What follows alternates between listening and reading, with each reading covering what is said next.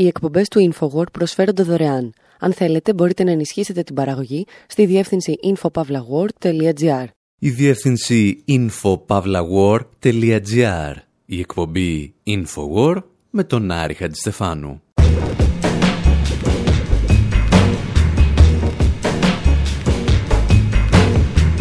Όπου σήμερα αφιερώνουμε τραγούδια και ιστορίες σε ένα θρύλο της ελληνικής δημοσιογραφίας που μας άφησε το 2020, τον Γιώργο Δελαστίκ. Παρακολουθούμε μαζί του την παγκόσμια ιστορία των τελευταίων τριών δεκαετιών, από το τέλος της ιστορίας που δεν ήρθε ποτέ μέχρι το τέλος των μνημονίων που δεν ήρθε ποτέ ξεφυλίζουμε ορισμένα από τα κείμενά του που δημοσιεύονται στο βιβλίο «Η δημοσιογραφία ως τέχνη», το οποίο κυκλοφορεί από τις εκδόσεις «Τόπος».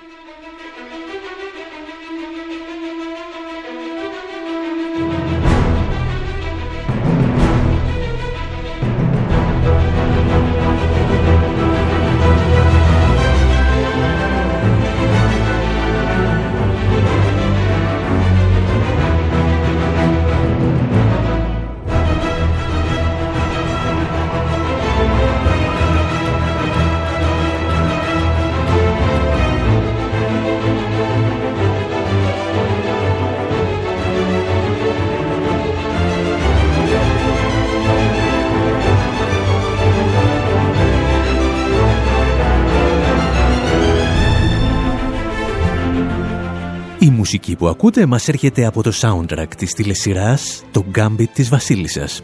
Μόνο που σήμερα δεν μας αφορά η πρωταγωνίστρια Beth Harman, αλλά ο επιστάτης του ορφανοτροφείου που αφιερώνει όλο τον ελεύθερο χρόνο του για να την μάθει σκάκι.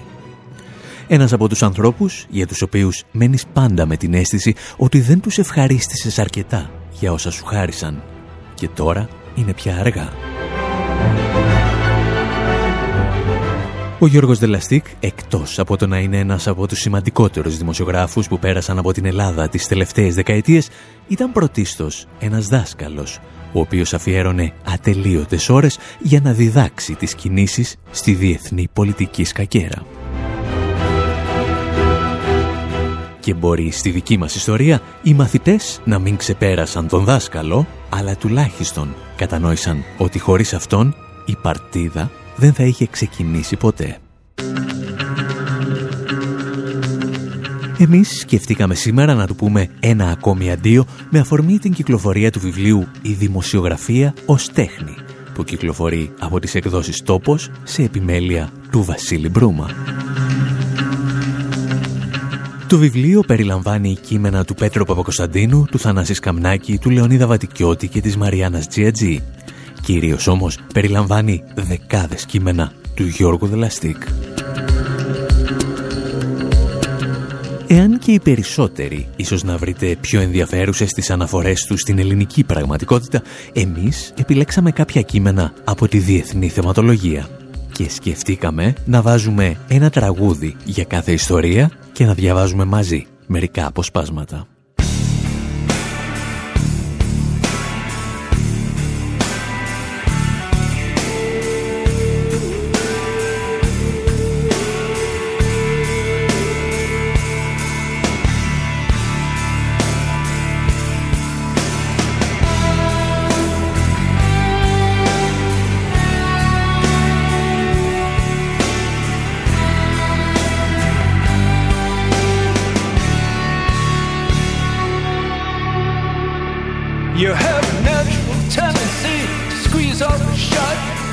for the parties.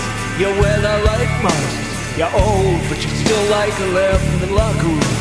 You can't buy change with a home on the range.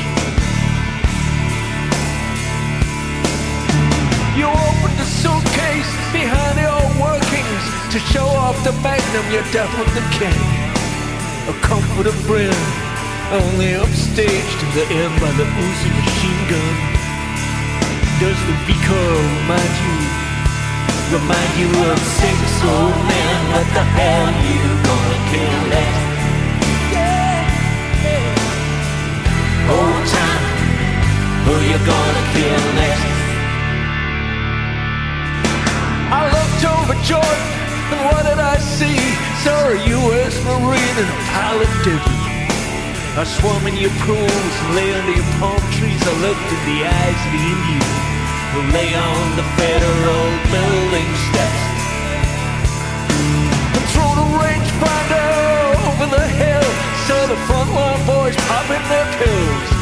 Of the mess they find on their desert stage.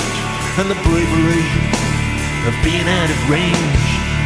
Yeah, the question is fixed. Oh man, what the hell you gonna kill next? Oh time, who you gonna kill next?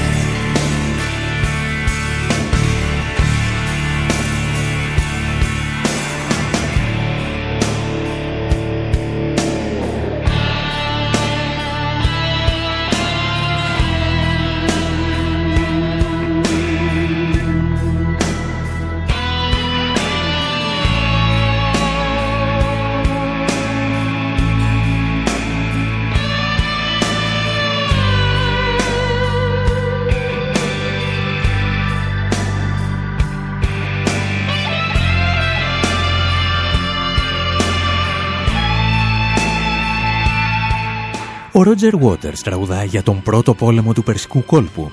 Τραγουδά για την υποτιθέμενη γενναιότητα που χρειάζεται για να σκοτώνεις ενώ βρίσκεσαι έξω από το εύρος βολής του αντιπάλου σου.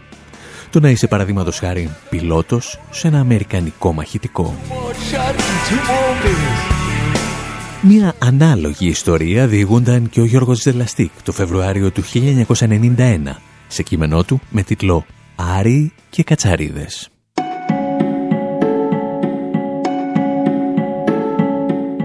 Κανένας δεν έκφρασε με μεγαλύτερη πιστότητα και ειλικρίνεια την πραγματική στάση των ΗΠΑ στον πόλεμο του κόλπου από εκείνον τον κτηνόδη Αμερικανό πιλότο που περιέγραψε με σαδιστική απόλαυση πως οι Ιρακινοί για να γλιτώσουν έτρεχαν σαν τις κατσαρίδες στην κουζίνα όταν ανάβει το φως. Οι κατσαρίδες λοιπόν δεν πρόλαβαν να τρέξουν μακριά από εκείνο το καταφύγιο της Βαγδάτης. Κάπου 400 από αυτές, ανάμεσά τους 150 κατσαριδάκια, παιδιά και έφηβοι του Ιράκ απανθρακώθηκαν από τον Αμερικανικό πύραυλο.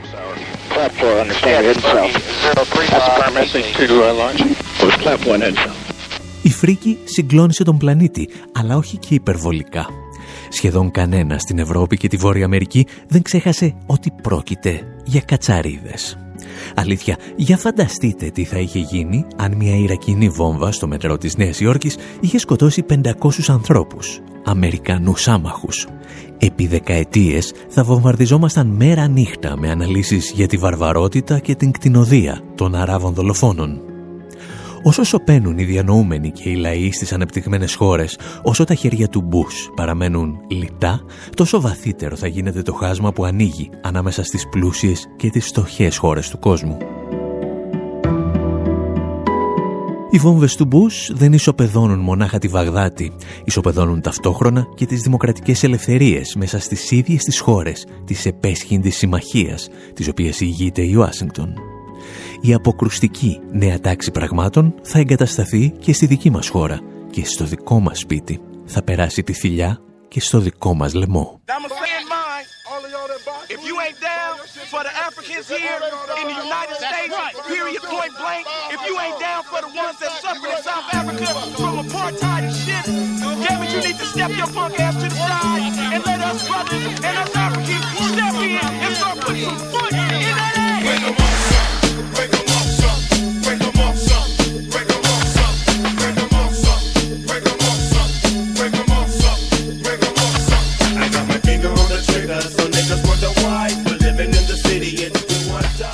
Dr. Dre τραγουδά για την εξέγερση του 1992 στο Λος Άντζελες και ο Γιώργος Δελαστίκ παίρνει το μικρόφωνο σε ένα κείμενο με τίτλο «Το Αμερικανικό όνειρο καίγεται στις φλόγες του Λος Άντζελες». Μεταξύ άλλων γράφει και τα εξής. Ολόκληρη η Αμερική, η Αμερική με όλα τα πρόσωπά της, ήταν εκεί, στο φλεγόμενο Λος Άντζελες. Εκεί είχαν στραμμένα τα βλέμματά τους και όλα τα κέντρα εξουσίας. 4.000 στρατιώτες και 1.500 πεζοναύτες. οι ίδιοι ακριβώς που πριν από δυόμιση χρόνια δολοφονούσαν επί εβδομάδες χιλιάδες Παναμέζους για να αποκαταστήσουν την τάξη μετά την εισβολή των ΗΠΑ στη χώρα αυτή. Είχαν κυκλώσει το Λος Άντζελες με τα τανκς, τα πολυβόλα και τα κανόνια τους, έτοιμοι να εισβάλλουν και να σκοτώσουν κατά χιλιάδες και τους συμπατριώτες τους. And they're calling more officers as backup. There are more officers coming in right now. Οι Ηνωμένες Πολιτείες συγκλονίστηκαν από βίαιες διαδηλώσεις. Λος Άντζελες, Σαν Φρανσίσκο, Λας Βέγκας, Ατλάντα, Σιάτλ, Φλόριδα, Ομάχα, Σικάγο, Νέα Υόρκη, Πίτσμπουργκ. Στο Βερολίνο η Πρωτομαγιά μεταβλήθηκε σε μέρα συγκρούσεων, καθώς η γερμανική αστυνομία όρμησε πάνω στους αριστερούς διαδηλωτές που είχαν πανό με επιγραφές «Μπράβο Λος Άντζελες, είμαστε στο πλευρό σου». Η εκδίκηση της γυφτιάς εντός εισαγωγικών των απελπισμένων του Λος Άντζελες έχει λοιπόν πολύ ευρύτερη σημασία από τις ρατσιστικές διακρίσεις στις Ηνωμένες Πολιτείες. Θεωρούμενη ως αναπόσπαστο τμήμα της παγκόσμιας κοινωνικής πάλης οδηγεί για μία ακόμα φορά στο συμπέρασμα της επιτακτικής ανάγκης αναζήτησης συγκεκριμένης θεωρίας της Επανάστασης στην εποχή μας.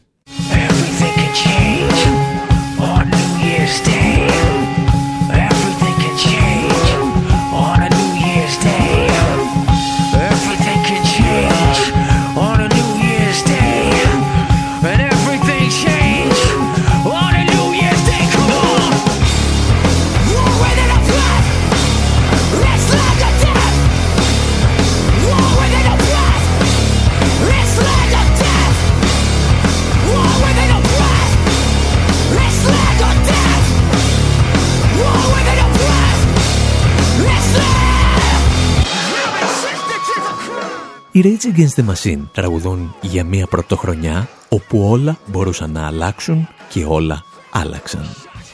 Τραγουδούσαν φυσικά για την πρωτοχρονιά του 1994, όταν ξεσπά ίσως το πρώτο ένοπλο κίνημα απέναντι στον νεοφιλελευθερισμό. Οι Ζαπατίστας υπό τις διαταγές του υποδιοικητή Μάρκος ξεκινούν την εξέγερσή τους την 1η Ιανουαρίου του 1994 και επιλέγουν τη συγκεκριμένη ημέρα για να συμπέσει με την εφαρμογή της Συμφωνίας Ελεύθερου Εμπορίου Βόρειας Αμερικής, τη γνωστή ναύτα. Ο Γιώργος Δελαστίκ καταπιάνεται με το θέμα μόλις μία εβδομάδα μετά το ξέσπασμα της εξέγερσης των Ζαπατίστας και μεταξύ άλλων σημειώνει. Ποιος θα το φανταζόταν ποτέ ότι σήμερα, κοντά στη στροφή για τον 21ο αιώνα, η ναύτα, η αμερικανική ΕΟΚ, είπα Μεξικού Καναδά, από την πρώτη κιόλας μέρα της επίσημης ίδρυσής της, θα συναντούσε την ένοπλη εχθρότητα των Μεξικανών ανταρτών και αγροτών, οι οποίοι εξεγέρθηκαν κάτω από τα συνθήματα του Εμιλιάνο Ζαπάτα, του μεγάλου επαναστάτη των αρχών του αιώνα. Φυσικά, οι αγρότες της πάμπτωχης επαρχίας Τσιάπας του Μεξικού, αναλφάβητοι Ινδιάνοι, απόγονοι των Μάγιας σε μεγάλο ποσοστό, δεν ξεσηκώθηκαν επειδή ξέρουν ποιες θα είναι οι μελλοντικές συνέπειες της ναύτας στη φτωχολογιά του Μεξικού; Άλλο αν μια φωτισμένη πρωτοπορία έχει κατανοήσει το θέμα και κατόρθωσε με την εξέγερση να θέσει και αυτό σε συζήτηση και μάλιστα με τόσο θεαματικό τρόπο, κυριολεκτικά σε παγκόσμια κλίμακα. El día de ayer, la Procuraduría General de la República η φτώχεια, η εξαθλίωση, η τρομερή κοινωνική αδικία είναι οι αιτίες της εξέγερσης των εξαθλιωμένων Ινδιάνων χωρικών. Μπορεί ο Μεξικανός στρατός με τάγκς, αεροπλάνα, πολυβόλα, με την ανάπτυξη 14.000 ανδρών, με τη σφαγή εκατοντάδων ανταρτών και άοπλων Ινδιάνων να αναχέτησε τους 2.000 Ζαπατίστας και να τους σκόρπισε στα δάση. Είναι εξαιρετικά δύσκολο όμως να εξαλειφθεί το μήνυμα της ηρωικής τους εξέγερσης. Θα ξαναέρθουν.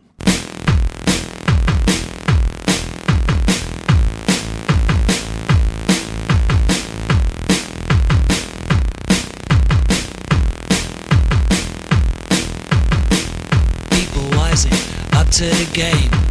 Gotta find somewhere to focus the blame. What we're gonna need is a clash of civilizations. Rising up to the game. Gotta find somewhere to focus the blame. What we're gonna need is a clash of civilizations.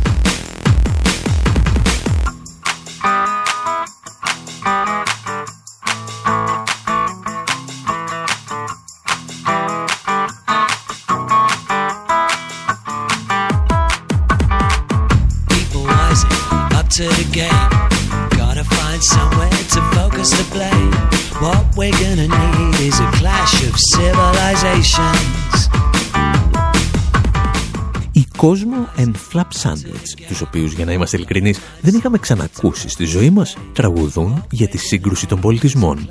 Μία ακόμη από τις αποτυχημένες αλλά επικίνδυνες θεωρίες που ξεπηδούσαν μετά την κατάρρευση της πρώην Σοβιετικής Ένωσης. Tell me what's real and what's make-believe. Getting on down. Ο Γιώργος Δελαστίκ θα αναλύσει το θέμα από τις σελίδες του πριν την πρώτη εβδομάδα του 1995 σε ένα κείμενο με τίτλο «Η Δύση ρίχνει στις φλόγες στο Ισλάμ». Μεταξύ άλλων αναφέρει Η σύγκρουση των πολιτισμών αντικαθιστά το δόγμα του ψυχρού πολέμου. Η πρώτη αιτία ανησυχίας της Δύσης είναι η διαπίστωση ότι ο Ισλαμισμός φουντώνει πρώτα-πρώτα στις πιο εξευρωπαϊσμένες αραβικές ή μουσουλμανικές χώρες Αλγερία, Λίβανος, Παλαιστίνη, Αίγυπτος, Τουρκία κτλ. Όπως και το Ιράν παλαιότερα. Εκεί δηλαδή που με τη μία ή την άλλη μορφή ο πληθυσμός έχει γνωρίσει τα βασικά στοιχεία του καπιταλιστικού καθεστώτος και τον δυτικό τρόπο οργάνωσης, καθώς και τα δυτικά ιδεολογικοπολιτικά ρεύματα. Το γεγονός ότι σπάνε ακριβώς αυτές οι πρωτοπόρες χώρες είναι σημάδι πανικού για τη Δύση, γιατί σημαίνει συνολική απόρριψη του δυτικού μοντέλου. Η Δύση και οι άρχουσες τάξεις των αντιδραστικών μουσουλμανικών χωρών είχαν συνειδητά προωθήσει τον Ισλαμισμό τη δεκαετία του 70 και του 80. Τον ήθελαν σαν ελεγχόμενο αντίβαρο στις αριστερές ιδεολογίες που ειδικά το 70 ασκούσαν μεγάλη επιρροή και στις αραβικές μάζες. Όμως, τόσο η Ιρανική Επανάσταση που έφερε στην εξουσία μια πολύ ριζοσπαστική και έντονα αντιαμερικανική εκδοχή του Ισλαμισμού, όσο και η σημερινή στροφή στο Ισλάμ εξαθλειωμένων, πάμφθοχων και απελπισμένων λαϊκών μαζών, απειλούν να μεταβάλουν σε μπούμεραγκ αυτή την επιλογή της Δύσης. Απειλείται να έρθουν σε πρώτο πλάνο τα στοιχεία του κοινωνικού και αντιδυτικού εξτρεμισμού και όχι τα στοιχεία της ενσωμάτωσης.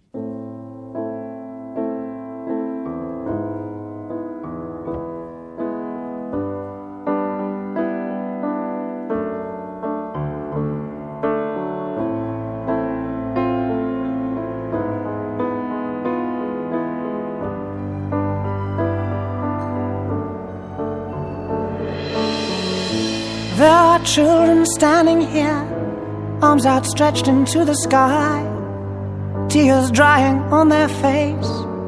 He has been here. Brothers lie in shallow graves, fathers lost without a trace, a nation blind to their disgrace since he's been here. And I see no bravery, no bravery your eyes anymore. Only sadness, and I see no bravery, no bravery in your eyes anymore. Only sadness. Ο Βρετανός James Blunt τραγουδά για τον πόλεμο του Κωσυφοπεδίου του 1999, εκεί όπου, όπως λέει, δεν συνάντησε κανένα είδος ηρωισμού. Beyond repair, the smell of death is in the Και ο λόγος που γράφει αυτό το τραγούδι είναι ότι βρισκόταν και ο ίδιος εκεί, υπηρετώντας στις δυνάμεις του ΝΑΤΟ. trace are lighting up the sky. Προφανώς ο Γιώργος Δελαστίκ έχει ελαφρώς διαφορετική εικόνα από αυτή ενός νατοικού στρατιώτη. Κυρίως όμως έχει διαφορετική εικόνα από την ευρωπαϊκή διανόηση που συντάσσεται με τους ισχυρούς και τους επιτιθέμενους. Σε κείμενό του λοιπόν, με τίτλο «Η διανόηση του πολέμου», αναφέρει μεταξύ άλλων. Η καθολική νατοποίηση των πολιτικών δυνάμεων της γυραιάς Υπήρου, όπως είναι φυσικό, θα έχει τεράστιες συνέπειες για τη φύση και τα χαρακτηριστικά του πολιτικού φάσματος του 21ου αιώνα. Το γεγονός ότι το σύνολο σχεδόν της προοδευτικής διανόησης τάχθηκε υπέρ του ΝΑΤΟ και του πολέμου σηματοδοτεί την πλήρη ρήξη της με τις θεμελιώδεις αρχές στις οποίες στηριζόταν η θέση της εδώ και τουλάχιστον μισόν αιώνα. Αντίθεση στον πόλεμο, στις υπεριαλιστικές επεμβάσεις, αντιαμερικανισμός. Οι βόμβες των Αμερικανών και του ΝΑΤΟ διαμέλυσαν ιδεολογικά την προοδευτική διανόηση με την ευρύτερη έννοιά της και δημιούργησαν μια εξαιρετικά δυσπροσπέλαστη υγειονομική ζώνη γύρω από τον στενότατο πυρήνα της χούφτας των αριστερών διανοούμενων που αντιστέκονται. Χωρίς αμφιβολία, αυτή είναι η μεγαλύτερη ιδεολογική νίκη των ΗΠΑ στον πόλεμο αυτό.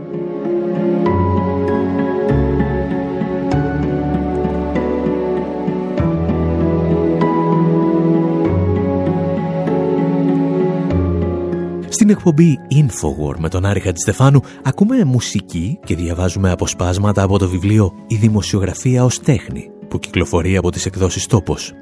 Μια συλλογή κειμένων του Γιώργου Δελαστίκ που καταγράφουν τις τελευταίες τρεις δεκαετίες της ιστορίας μας και της ύπαρξής μας. Μικρό διάλειμμα και επιστρέφουμε.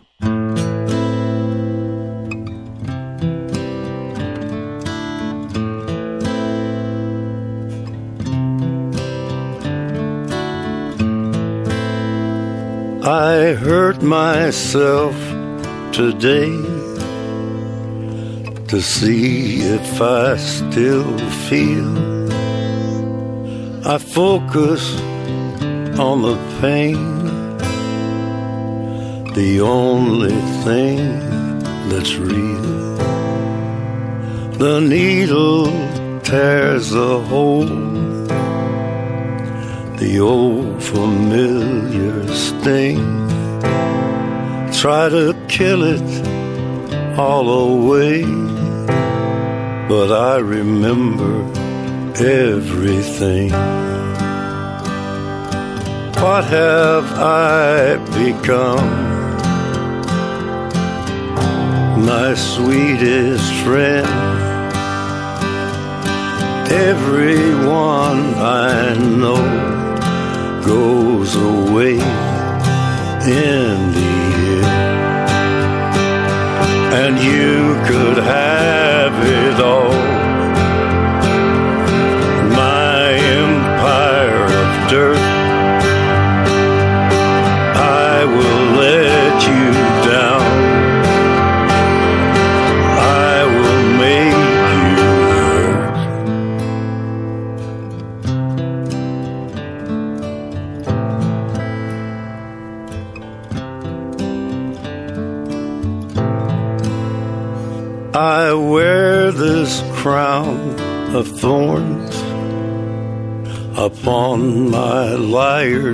Chair,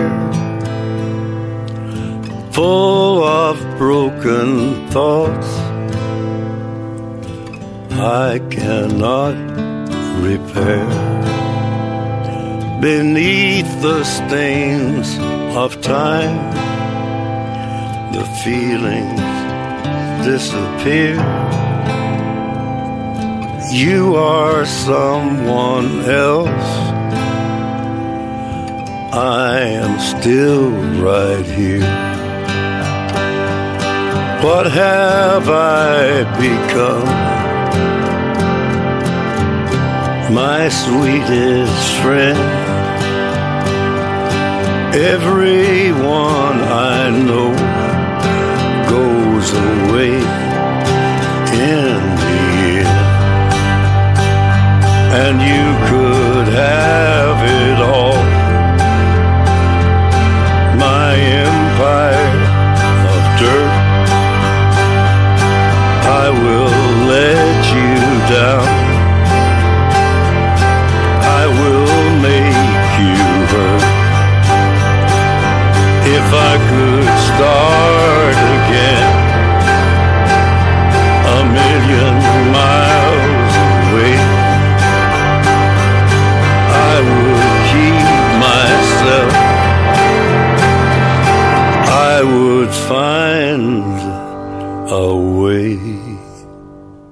εκπομπές του InfoWord προσφέρονται δωρεάν. Αν θέλετε, μπορείτε να ενισχύσετε την παραγωγή στη διεύθυνση infopavlagor.gr.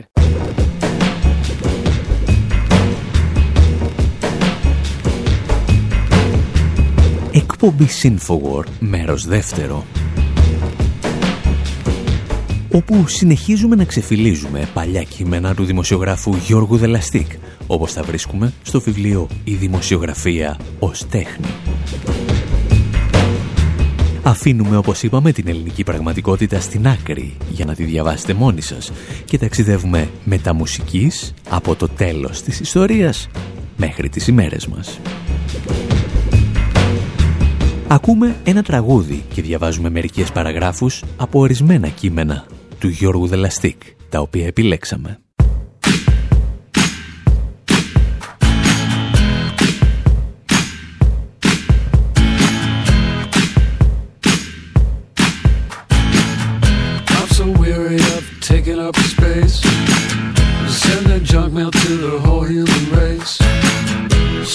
My genome from the salt of the earth.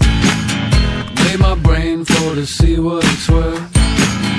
Lights out, they're throwing blocks at the bonfire.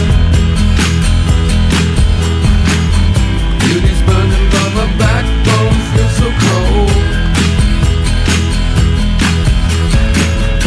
Little girl with the protein hands, white lightning that she got from Japan taser gun. Mannequins just melting the sun. Say hello, they're blowing blunt to the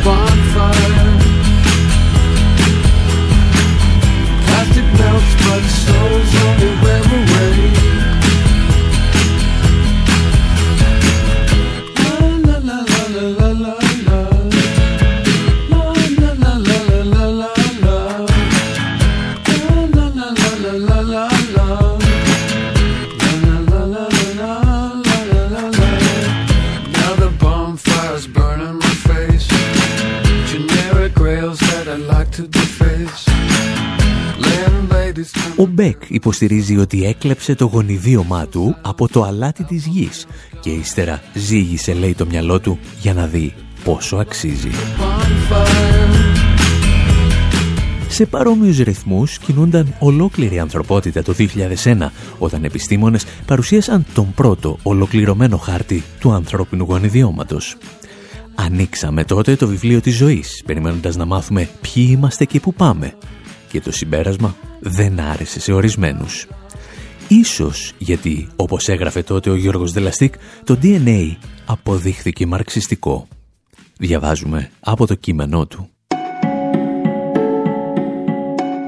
Και τώρα τι θα κάνουμε που τα γονίδια μας μετρήθηκαν και βρέθηκαν απελπιστικά λίγα, κάπου 30.000, μόλις διπλάσια από τους σκουλικιού ή της μύγας και τα ίδια κατά 98% με του χιμπατζή.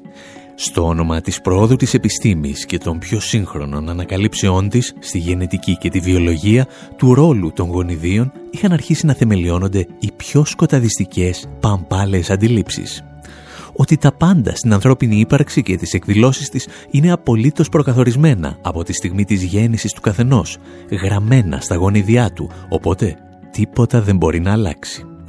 Ο καθένας γεννιέται με τη μοίρα του δηλαδή, οπότε κανένας κοινωνικός αγώνας για αλλαγή δεν έχει νόημα.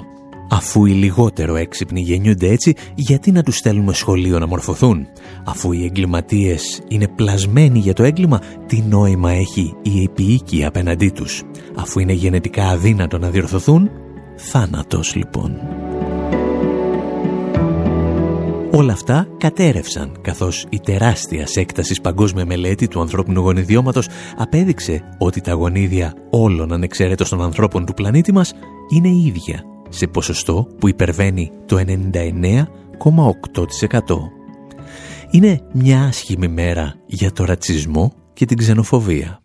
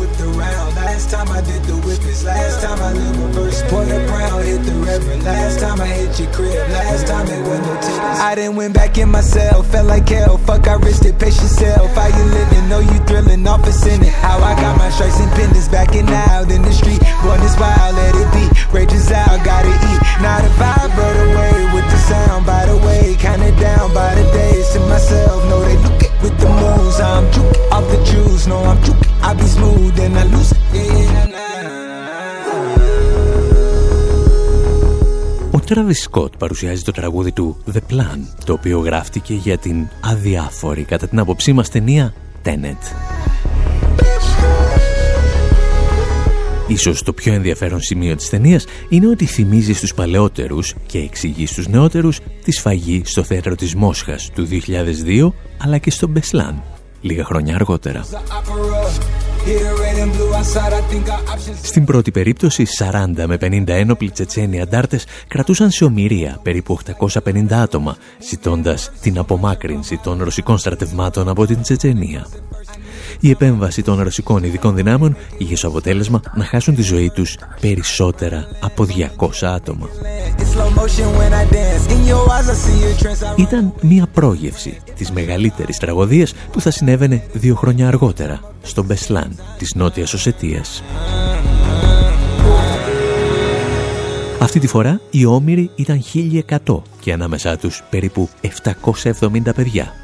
Συνολικός απολογισμός 334 νεκροί.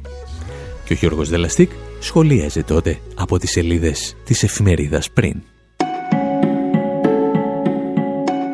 Στο ανατριχιαστικό έγκλημα που έγινε σε βάρος των ομήρων στη Βορεια Οσετία, φωνιάδες είναι τόσο οι Τσετσένοι δράστες, όσο και ο Πούτιν. Και όχι μόνο αυτοί. Συνένοχοι από ηθική και πολιτική σκοπιά στο έγκλημα είναι τόσο ο Μπούς, όσο και όλοι οι ηγέτες της Ευρώπης οι οποίοι έσπευσαν να συμπαρασταθούν στον Πούτιν μετά το έγκλημα με την ιστερόβουλη σκέψη ότι έτσι εξασφαλίζουν εκ των προτέρων τη συνένοχη συμπαράσταση των υπολείπων ηγετών, εάν χρειαστεί να βάψουν και αυτοί τα χέρια τους στο αίμα αθώων ομήρων κάποια στιγμή στο μέλλον. Το ζήτημα της Τσετσενίας, ας μην κοροϊδευόμαστε, δεν είναι πρόβλημα τρομοκρατίας. Είναι ζήτημα εθνικής ανεξαρτησίας.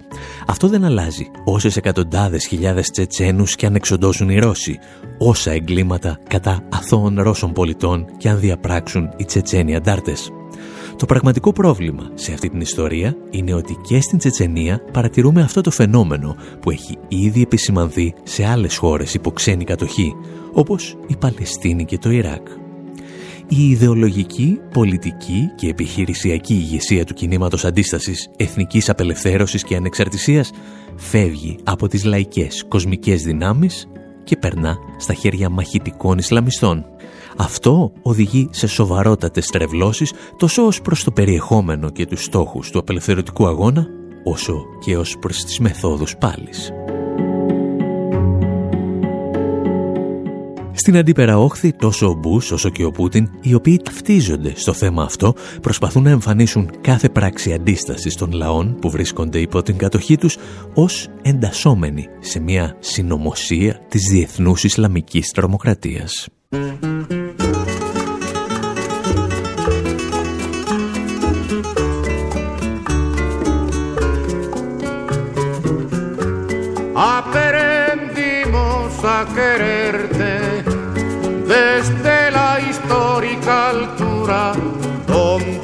Sol de tu bravura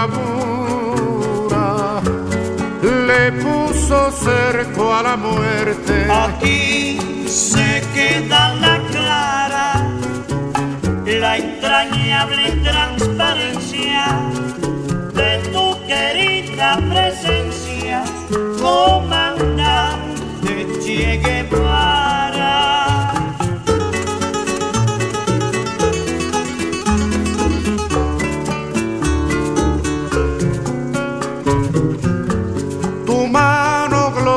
Y fuerte sobre la historia dispara cuando todo Santa Clara se despierta para verte. Aquí se queda la clara, la entrañable transparencia de tu querida presencia, comandante Che Guevara.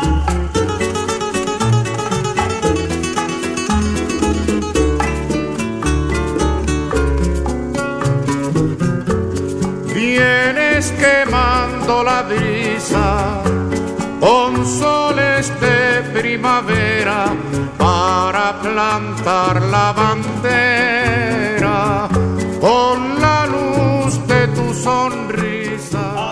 Κάρλος Πουέμπλα διηγείται το 1965 τα ανδραγαθήματα ενός επαναστάτη.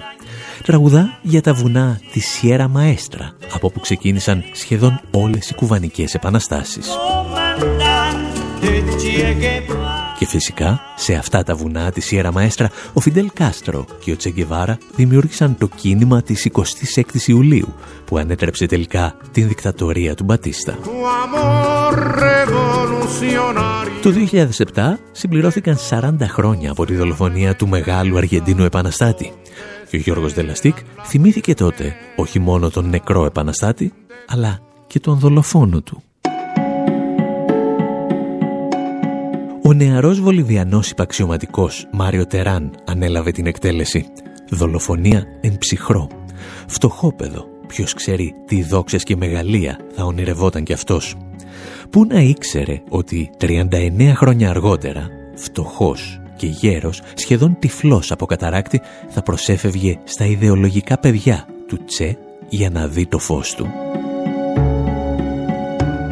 Τον εγχείρησαν κουβανοί γιατροί που έχουν έρθει στη Βολιβία στο πλαίσιο ενός προγράμματος για τη λαϊκή υγεία που υλοποιεί ένα άλλο ιδεολογικό παιδί του Τσε, ο πρόεδρος της χώρας Εβο Μοράλες, ο οποίος έχει διακοσμήσει το προεδρικό μέγαρο της χώρας με πορτρέτα του Μεγάλου Επαναστάτη. Ένα πρόγραμμα που χρηματοδοτείται με τη βοήθεια ενός ακόμη ηγέτη που δεν κρύβει τον θαυμασμό του για τον Τσε, όπου βρεθεί και όπου σταθεί, του Προέδρου της Βενεζουέλας, Ούγκο Τσάβες.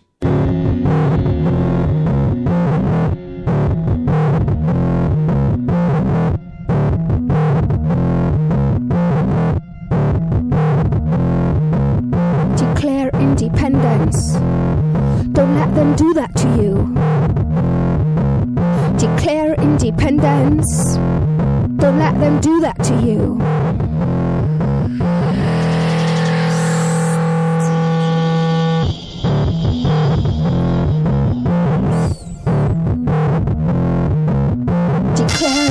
Independence. Don't let them do that to you. Declare independence. Don't let them do that to you.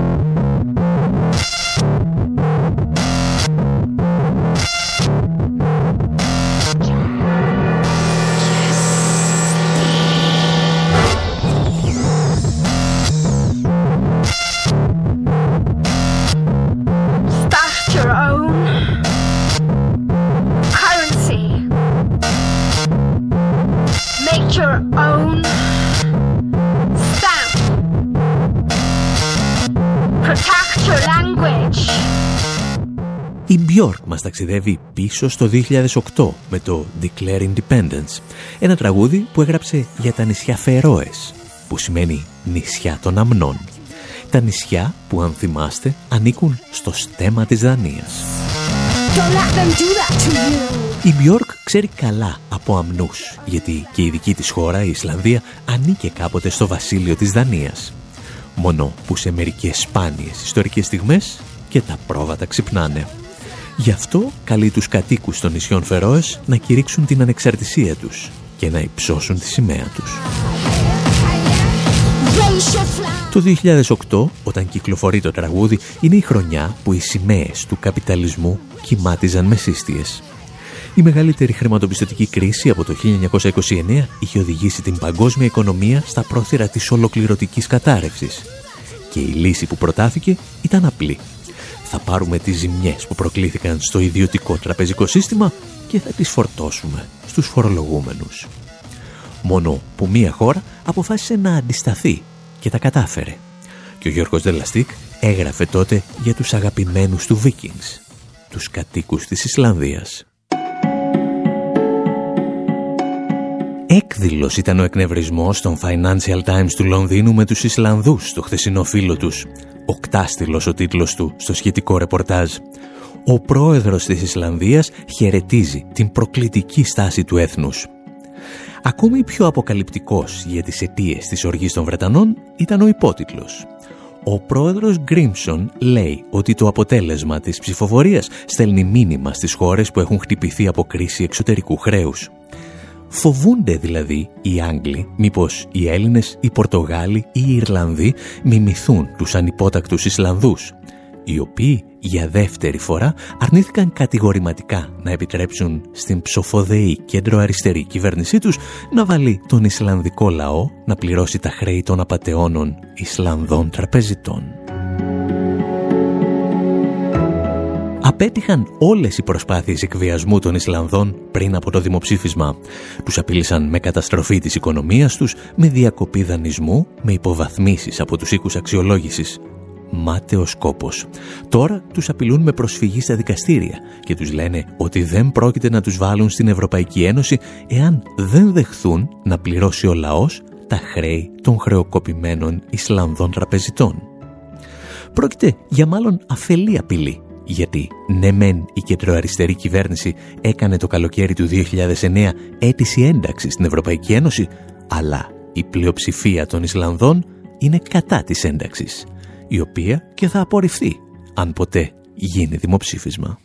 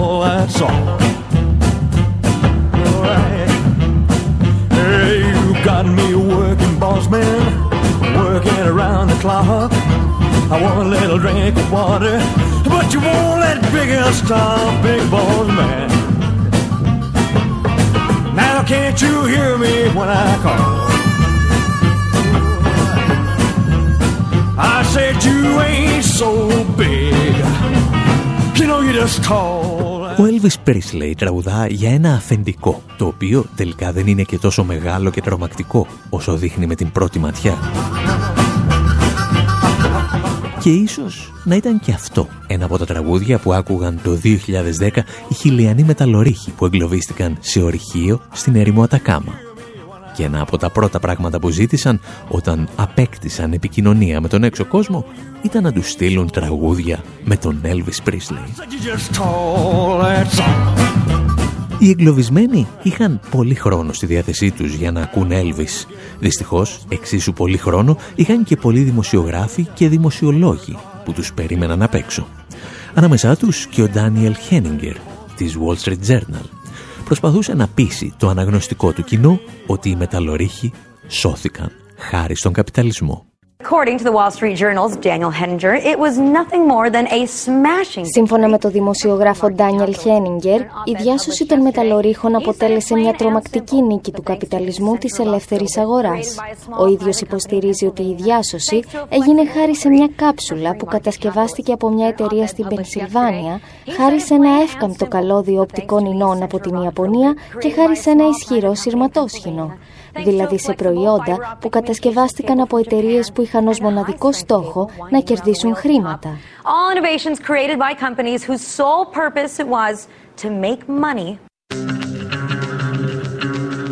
Δεν χρειάζεται προφανώς να έχεις θητεύσει επί μακρόν στη μαρξιστική θεώρηση των πραγμάτων ή έστω σε κέινσιανές θεωρίες για να καταλάβεις ότι η άποψη της Wall Street Journal αποτέλεσε την οικονομική μπουρδα της δεκαετίας. Οι μεταλλορύχοι διασώθηκαν, όπως λέγαμε τότε, χάρη στα σωστικά συνεργεία της Χιλής, τα οποία πληρώνουν οι χιλιανοί φορολογούμενοι. Βοήθησε και η ΝΑΣΑ, η οποία χρηματοδοτείται από την Ομοσπονδιακή Κυβέρνηση των Ηνωμένων Πολιτειών, δηλαδή από τους Αμερικανούς φορολογούμενους. Όσο για το σύστημα οπτικών ινών της Ιαπωνίας, είναι γνωστό ότι η σχετική τεχνολογία αναπτύχθηκε από ερευνητικά προγράμματα του δημόσιου τομέα. Πριν ακόμη γίνουν γνωστές αυτές τις πληροφορίες και ενώ οι μεταλλορύχοι παρέμεναν εγκλωβισμένοι μέσα στα βάθη της ερήμου Ατακάμα, ο Γιώργος Δελαστίκ εξηγούσε ότι αν τους έθαψε κάτι ήταν ο καπιταλισμός με τα ελληπή μέτρα ασφαλείας και αν θα τους έσωζε κάτι, αυτό θα ήταν ο άνθρωπος. Έγραφε τότε στο έθνος Σπάνια είναι, ιδίως στην εποχή μας, η ηθική ικανοποίηση που αισθάνεται κανείς όταν βλέπει όλα τα σχετικά τεχνολογικά επιτεύγματα της ανθρωπότητας να τίθενται στην υπηρεσία μιας επιχείρησης σωτηρίας συνανθρώπων μας και δει κολλασμένων της γης. Στη Χιλή, όντως εξελίσσεται αυτή τη στιγμή η μεγαλύτερη προσπάθεια διάσωσης μεταλλορίχων στην ιστορία. Τα πιο προηγμένα μηχανήματα, οι γνώσεις ακόμη και της NASA για τα προβλήματα ανθρώπων που ζουν μήνες σε ελάχιστο χώρο, οι καλύτεροι σχετικοί μηχανικοί, τεχνίτες, γιατροί, ψυχολόγοι και άλλοι παίρνουν μέρος στην προσπάθεια σωτηρίας, κάνοντας εκατομμύρια ατόμων να αισθάνονται υπερήφανοι για τον άνθρωπο.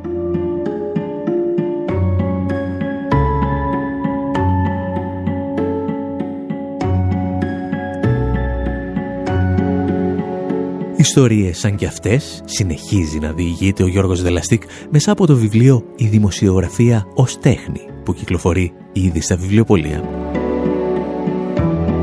Ένας από τους σημαντικότερους δημοσιογράφους των τελευταίων δεκαετιών και ίσως ο μεγαλύτερος δάσκαλος της γενιάς μας έφυγε το 2020. Και ίσως τώρα να κουβεντιάζει κάπου ή και να τσακώνεται με τον Ρόμπερτ Φίσκ. Εμείς λέμε να σας αφήσουμε και για αυτή την εβδομάδα. Από τον Άρη Χατζηστεφάνου στο μικρόφωνο και τον Δημήτρη Σταθόπουλο στην τεχνική επιμέλεια, γεια σας και χαρά σας. Η ιστορία ποτέ δεν είναι μια γραμμική εξέλιξη. Είναι με αυτό που λέμε στη φυσική τα κβαντικά άλματα. Είναι εποχή άλματος αυτή τη στιγμή. Και το πιστεύω βαθύτατα ότι πρέπει και η αριστερά να κάνει το άλμα σε όλες τις, τις εκφάνσεις αν θέλετε και θα την κάνει. Σας ευχαριστώ πολύ.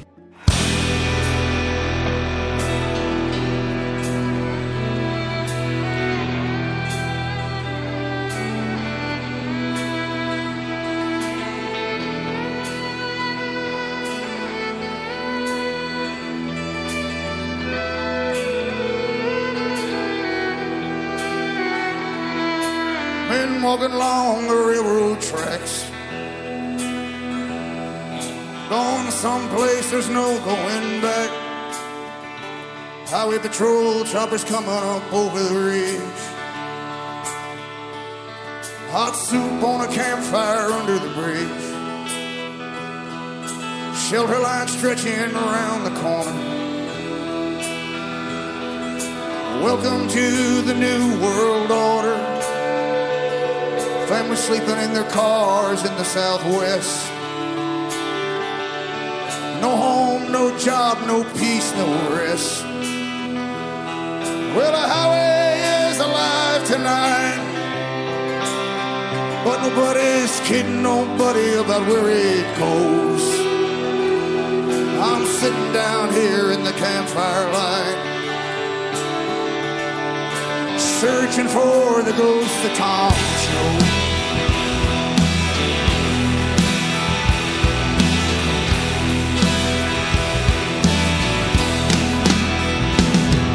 Pulls a prayer book out of his sleeping bag. Preacher lights up a butt and takes a drag. Waiting for when the last shall be first and the first shall be last. In a cardboard box neath the underpants. You got a one-way ticket to the promised land. You got a hole in your belly and a gun in your hand. Sleeping on a pillow of solid rock. Bathing in the city's aqueduct. Well, the alive tonight. Where it's headed, everybody knows.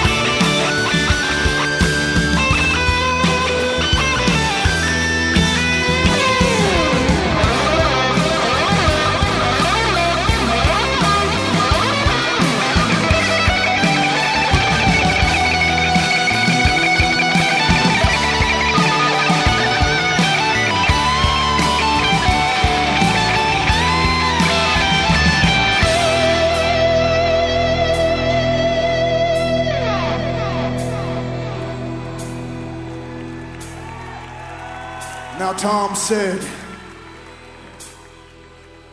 Mom, wherever there's a cop beating a guy,